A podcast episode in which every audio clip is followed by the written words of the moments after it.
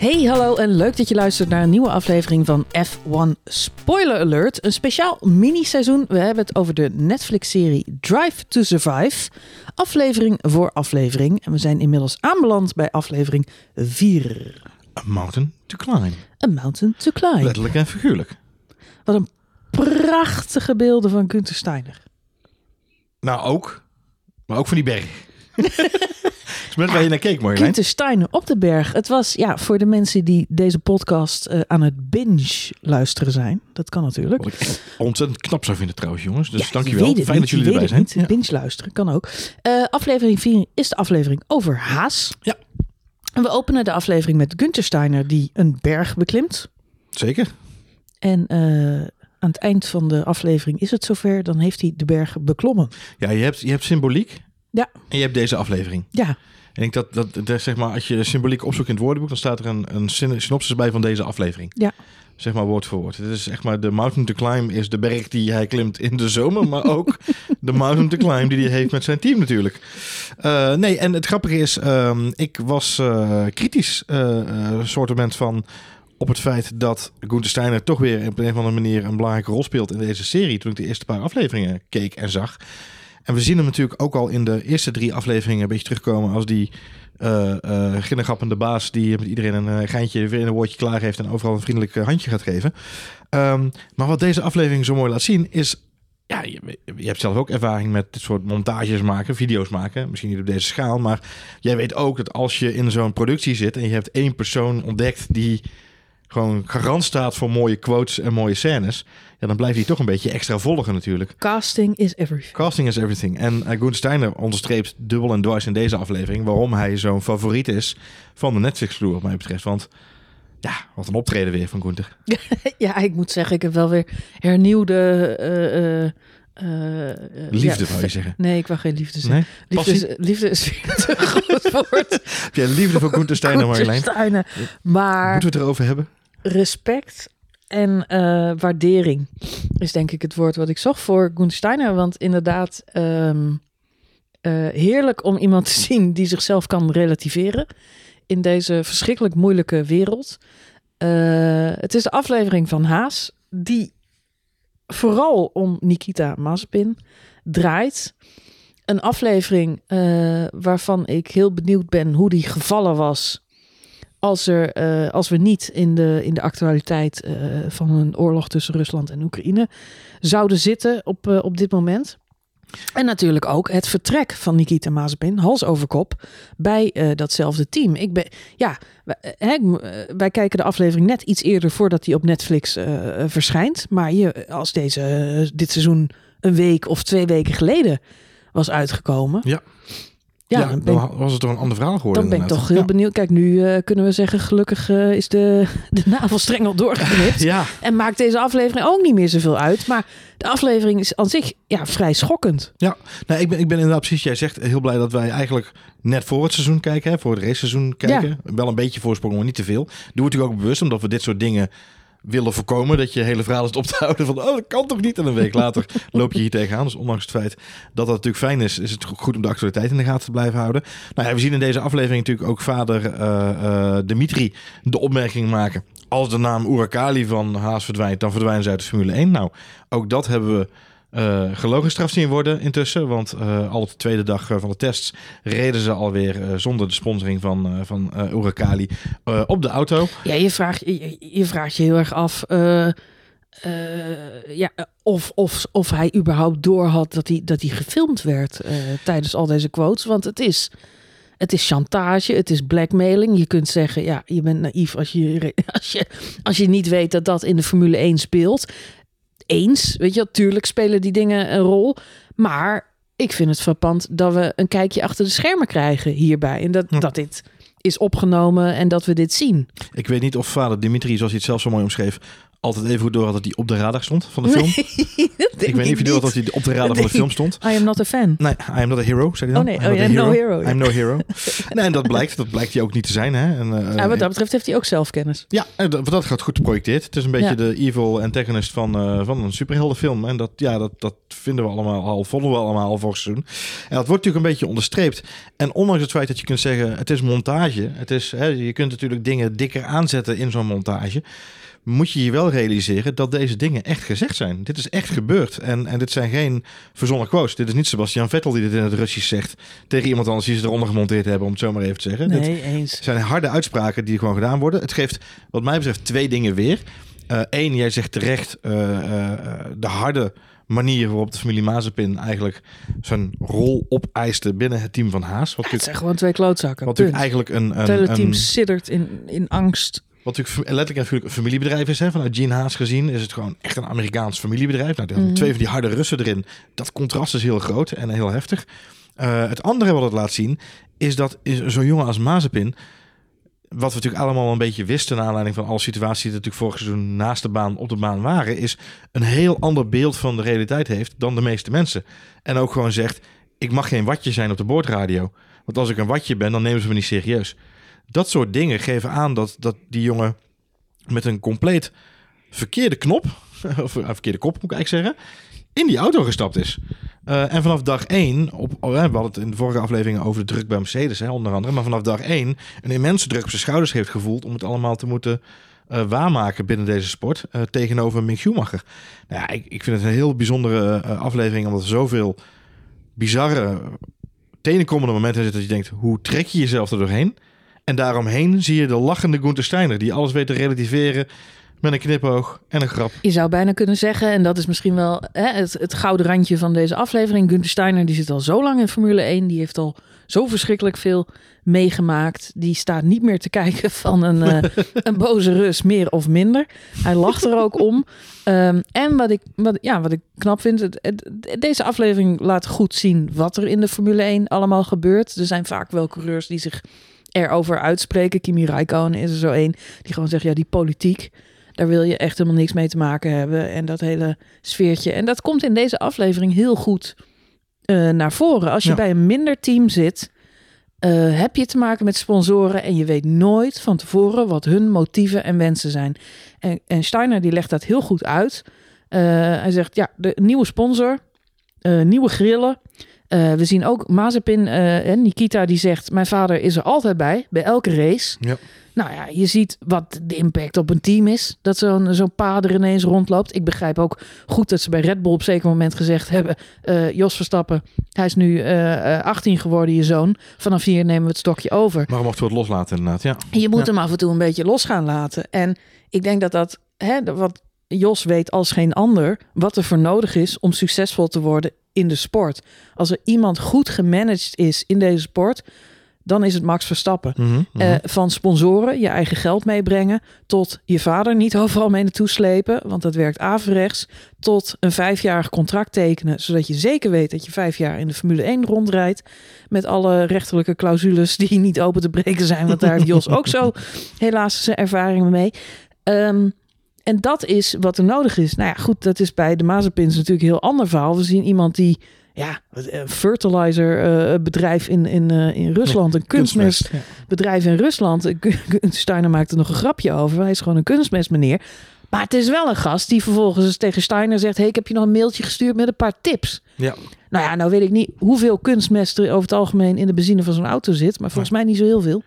Dus nee. ik ben dan toch heel benieuwd waar die tips over gaan. Man, je zult er maar mee te maken hebben, Johan. De aerodynamica van de tractor die de kunstmest rondspuit. Elke dag die, die, ja. uh, die, die, die pa, zeg maar... Uh, op, aan de, aan, aan de lijn, op de in de mail, ja, in de, Ja, met zijn comments, met zijn opmerking. Chanteren, ik stap eruit en dan zijn jullie al je geld kwijt. Ik denk dat de, de, de silver lining wat mij betreft is het feit dat er mensen zijn zoals Gunther Steiner... Mhm. die in staat zijn om deze druk toch op de een of andere manier te laten deflecteren. En ik zeg niet dat ze dat doen Hè, natuurlijk zullen ze nooit laten zien voor de camera's van Netflix dat ze ook breken, want dat gebeurt natuurlijk ook simpelweg.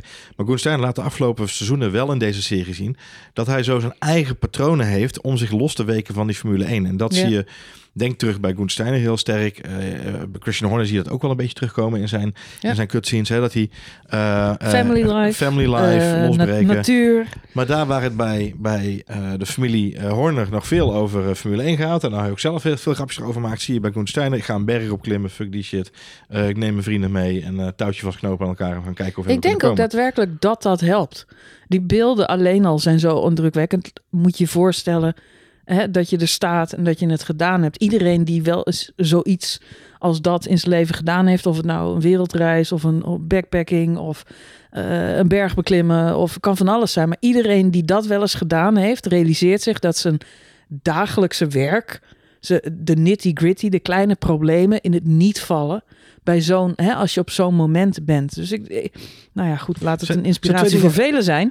Als jij je niet meer ziet zitten Ja. in de dagelijkse beslommeringen, boek gelijk die vakantie. Ja, maar hij laat, ik denk dat hij dat, dat ja, de verwezenlijking en van Sebastian Vettel weten we het natuurlijk ook. Is ook iemand die ergens op een boerderij in, eh, in, in Zwitserland eh, zijn eigen biologische kippen en gaan verbouwt en weet ik veel waar die allemaal mee bezig is. Puur om zich los te maken. Kimi Räikkönen, een ander voorbeeld. Max Verstappen zegt het ook altijd in elk interview. Ehm zo gauw het seizoen voor, voorbij is, dan ja, familie. Ja. En weg hier. En Even helemaal, even helemaal niks met Formule 1. Nee, klopt. Want het is een wereld die, het is je werk, maar het is er ook eentje om gauw achter je te laten en daarbuiten te leven.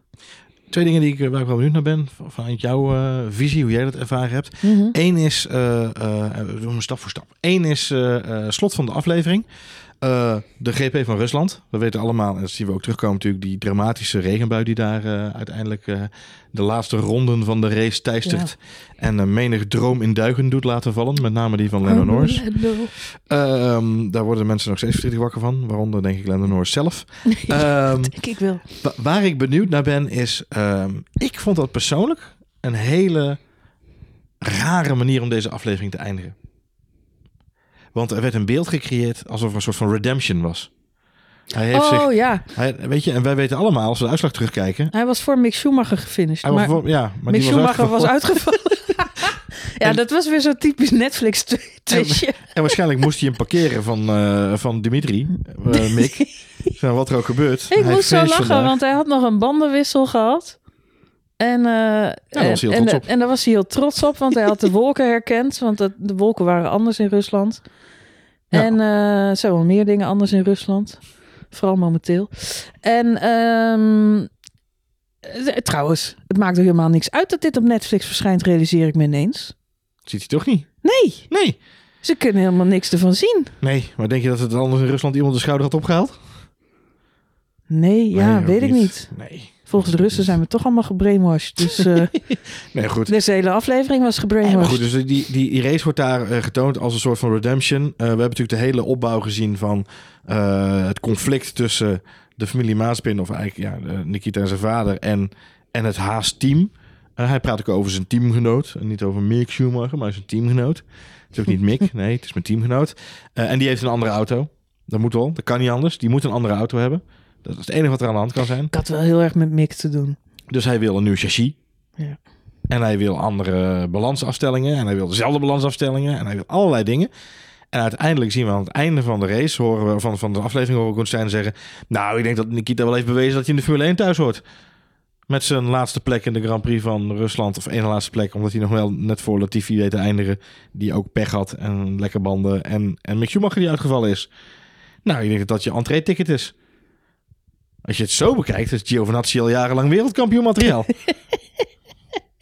Ik denk dat ze dat toch als een soort... eh, ja, jij zegt redemption, maar ik denk dat ze toch... Ja, Ja, dat Een- ja. ze zochten een einde en dan soort Ze van... moesten nog iets bedenken van een einde. Ja, Ja, En ze, ja, en ze wilden dan niet te negatief eh, eindigen, denk ik.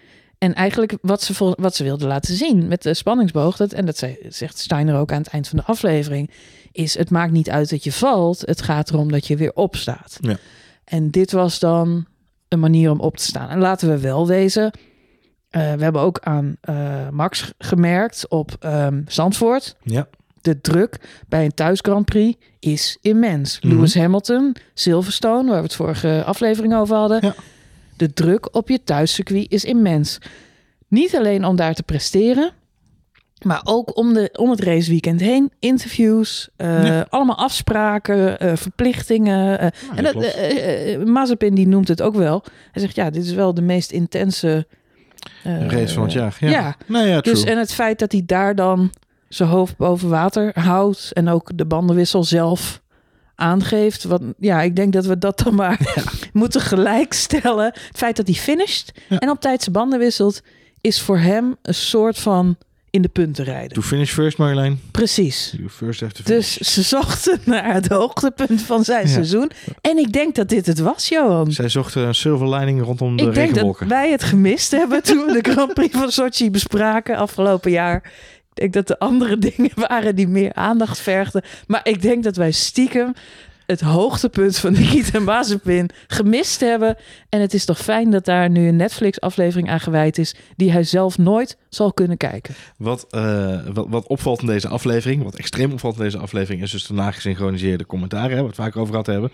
Met name omdat je weet dat niemand van de commentatoren zo bezig is met Nikita Mazepin en Nooit. Mick Schumacher. Never. Dus je hoort hele analoge. Oh nee, hij heeft zijn race echt verprutst nu. Nee hoor, dit zien we normaal gesproken in de herhaling. Olaf Mol ziet het meestal pas de dag daarna.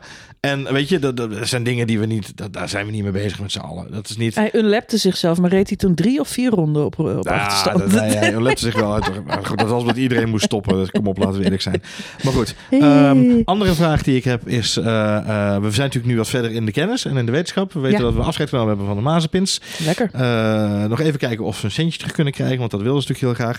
Maar intussen, eh, niet Pietro Fittipaldi van de Fittipaldi-smurrenverbende, maar Kevin Magnussen. Kevin Magnussen terug. K-Mag. Ja, dat betekent dat we drie, drie zoons van voormalig Formule 1-coureurs in het veld hebben rondrijden volgend jaar. Hoe, jij dat? hoe teleurgesteld was jij Ja. over het feit dat ze niet Mika Hakkinen teruggehaald hebben? Je bedoelt, hij is nog steeds een sabbatical. Ja, steeds een sabbatical. Ja, nou moet ik wel zeggen, ik volg uh, Miek, Hakkinen is uh, vrij actief op Instagram, is een vrouw ook. En hij heeft een zoon en een dochter die allebei karten. Ja. Uh, die zijn alleen nog wel een stuk jonger dan Kevin Magnussen, Max Verstappen en uh, Mick Schumacher. Dus, dus het is even, nog helaas... van? Okay, ja, ja, uit zijn tweede huwelijk. Ah, tweede leg. Ja, tweede oh, leg. Um, die zijn nog niet oud genoeg om Formule 1 te rijden. Maar sluit dus niet uit dat de Hakkinen naam ook ooit nog terugkomt in de Formule 1. Je weet het niet. Je weet het niet. En tegen die tijd zal Alonso zijn eerste, zijn laatste seizoen waarschijnlijk ook rijden. Als eerste seizoen met zijn, met zijn zoon die hij ergens nog moet krijgen. Maar... Ik wou net zeggen, Alonso ja. die is nog steeds niet aan kinderen nee, begonnen. goed, zal, dus die... Tegen die tijd, tegen die tijd dat Alonso een keer stopt, zal zijn kind wel 18 zijn. Dus dan mag hij ook racen. Leuk. Nee, uh, de, ik was wel even wat jij vond van de terugkeer van Kevin Magnussen. Met name natuurlijk omdat we weten dat Kevin Magnussen met veel uh, poeha uh, vertrokken is bij Haas. Mhm. Mm -hmm. hè, en ook duidelijk heeft laten weten op deze plek hoef ik niet meer terug te komen in de Formule 1. Als ik terugkom in de Formule 1 is dat niet om in het achterveld rond te rijden. Ja, ik denk dat hier het oude adagio... Adagium, adagio for strings? Adagio for strings. Adagium. Sensation komt weer terug, hè? Weet je dat? Ja, weet ik. Dat, adagio dat is for strings. vrij unfortunate dat wij vorige week een playlist met trendsmuziek uit de jaren nul, en daarmee bedoel ik de jaren 2000, hebben opgezocht en Ja. opgezet. Ja. En uh, daarom zat dat uh, enigszins uh, top of mind. Overigens, Mieke, Mieke Hakkinen mag wel een Sensation White. Goed, ander verhaal. Die werd wereldkampioen in die tijd. Dus ja. dat is wel een beetje...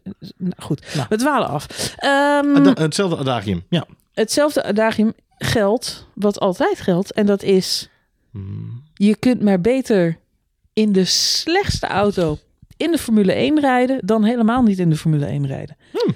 En uh, ja, uiteindelijk zal hij toch gezegd hebben: ik kom weer terug. Waar ik wel benieuwd naar ben, en dat wordt in deze aflevering natuurlijk wel weer uh, geschetst. De Haas is een verschrikkelijke auto. Dat was hij al. Ja. Ik denk niet dat hij het afgelopen seizoen heel veel beter is geworden. Nu hebben we nieuwe auto's, dus je kunt zeggen: we beginnen weer helemaal opnieuw. Maar deze aflevering zo in ogenschouw nemend, kun je achteraf ook zeggen: ik denk niet dat het heel verstandig was van het team om met twee rookies te rijden. Uh, we zien een stukje van die debrief, ook in deze aflevering.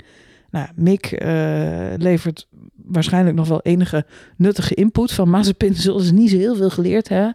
Ja, ik ben van Magnus heel bang dat hij in een nieuwe auto start, uh, stapt... Maar dat daar nog niet eh, ja, heel veel progressie in zit. Het zou nog wel slechter kunnen zijn dan toen hij wegging. Sowieso al die Russische tekens op dat dashboard. Dat, nee, hij, heeft in elk geval, hij is toen nog betrokken geweest bij, eh, hè, bij de, de optimalisatie van die auto al die jaren lang. Nou, dat zal hij zich niet, uh, dat zal hij niet graag hardop zeggen, denk ik, als je die auto van vorig jaar ziet. Hij is, hij, is een, nee, hij is een jaar weg geweest. Hij is dus niet betrokken geweest bij de ontwikkeling van deze nieuwe auto. Zij moet eigenlijk weer opnieuw beginnen.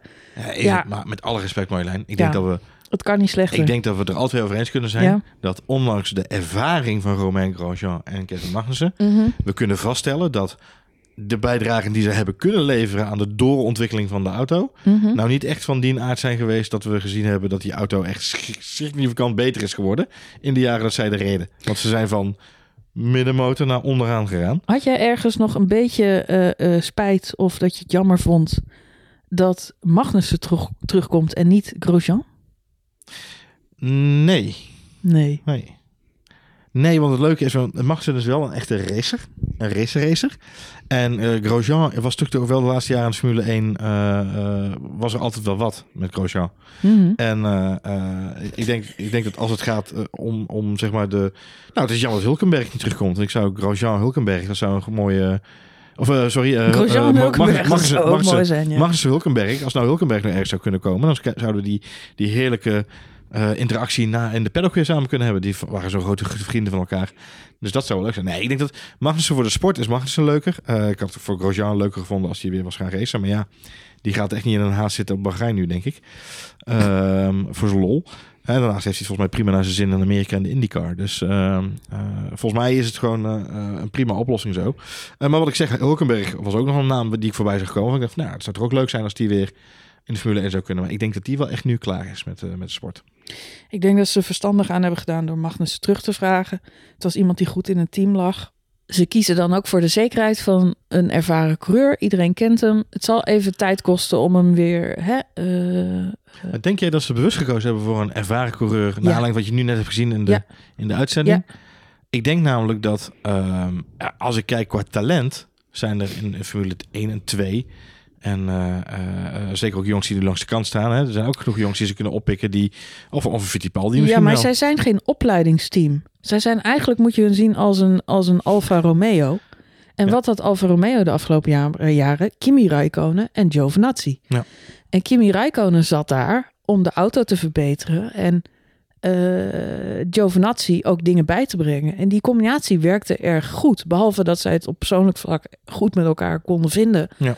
Ehm, is die auto daadwerkelijk ontwikkeld. Helaas kwam het afgelopen seizoen, de tweede seizoen zelf, niet meer echt tot zijn recht. En Nee. zag je die, die successen die ze het seizoen hiervoor eigenlijk nog best wel hadden, verder eh, afzakken. Maar er werd wel, ja, er werden stappen Ja, ja, gemaakt. true, true. En dat miste Haas dit jaar heel erg. In plaats daarvan, en dat is ook de reden dat Steiner uiteindelijk twee jaar geleden nog verlengd heeft met Grosjean en Magnussen. Omdat hij zich realiseerde, ik wil niet helemaal opnieuw beginnen.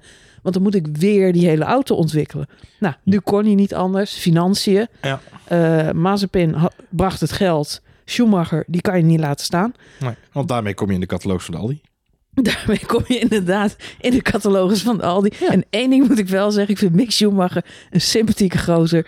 Eh, die, die doet er gewoon aan mee. En die is blij dat hij er mag zijn. Die doet volgens mij hartstikke zijn best. Ik vind het een Jawel. aardige jongen. Ik vind het een hele aardige jongen. En eh, Steiner hetzelfde. En ik denk dat met Magnussen brengen ze de rust in het team terug.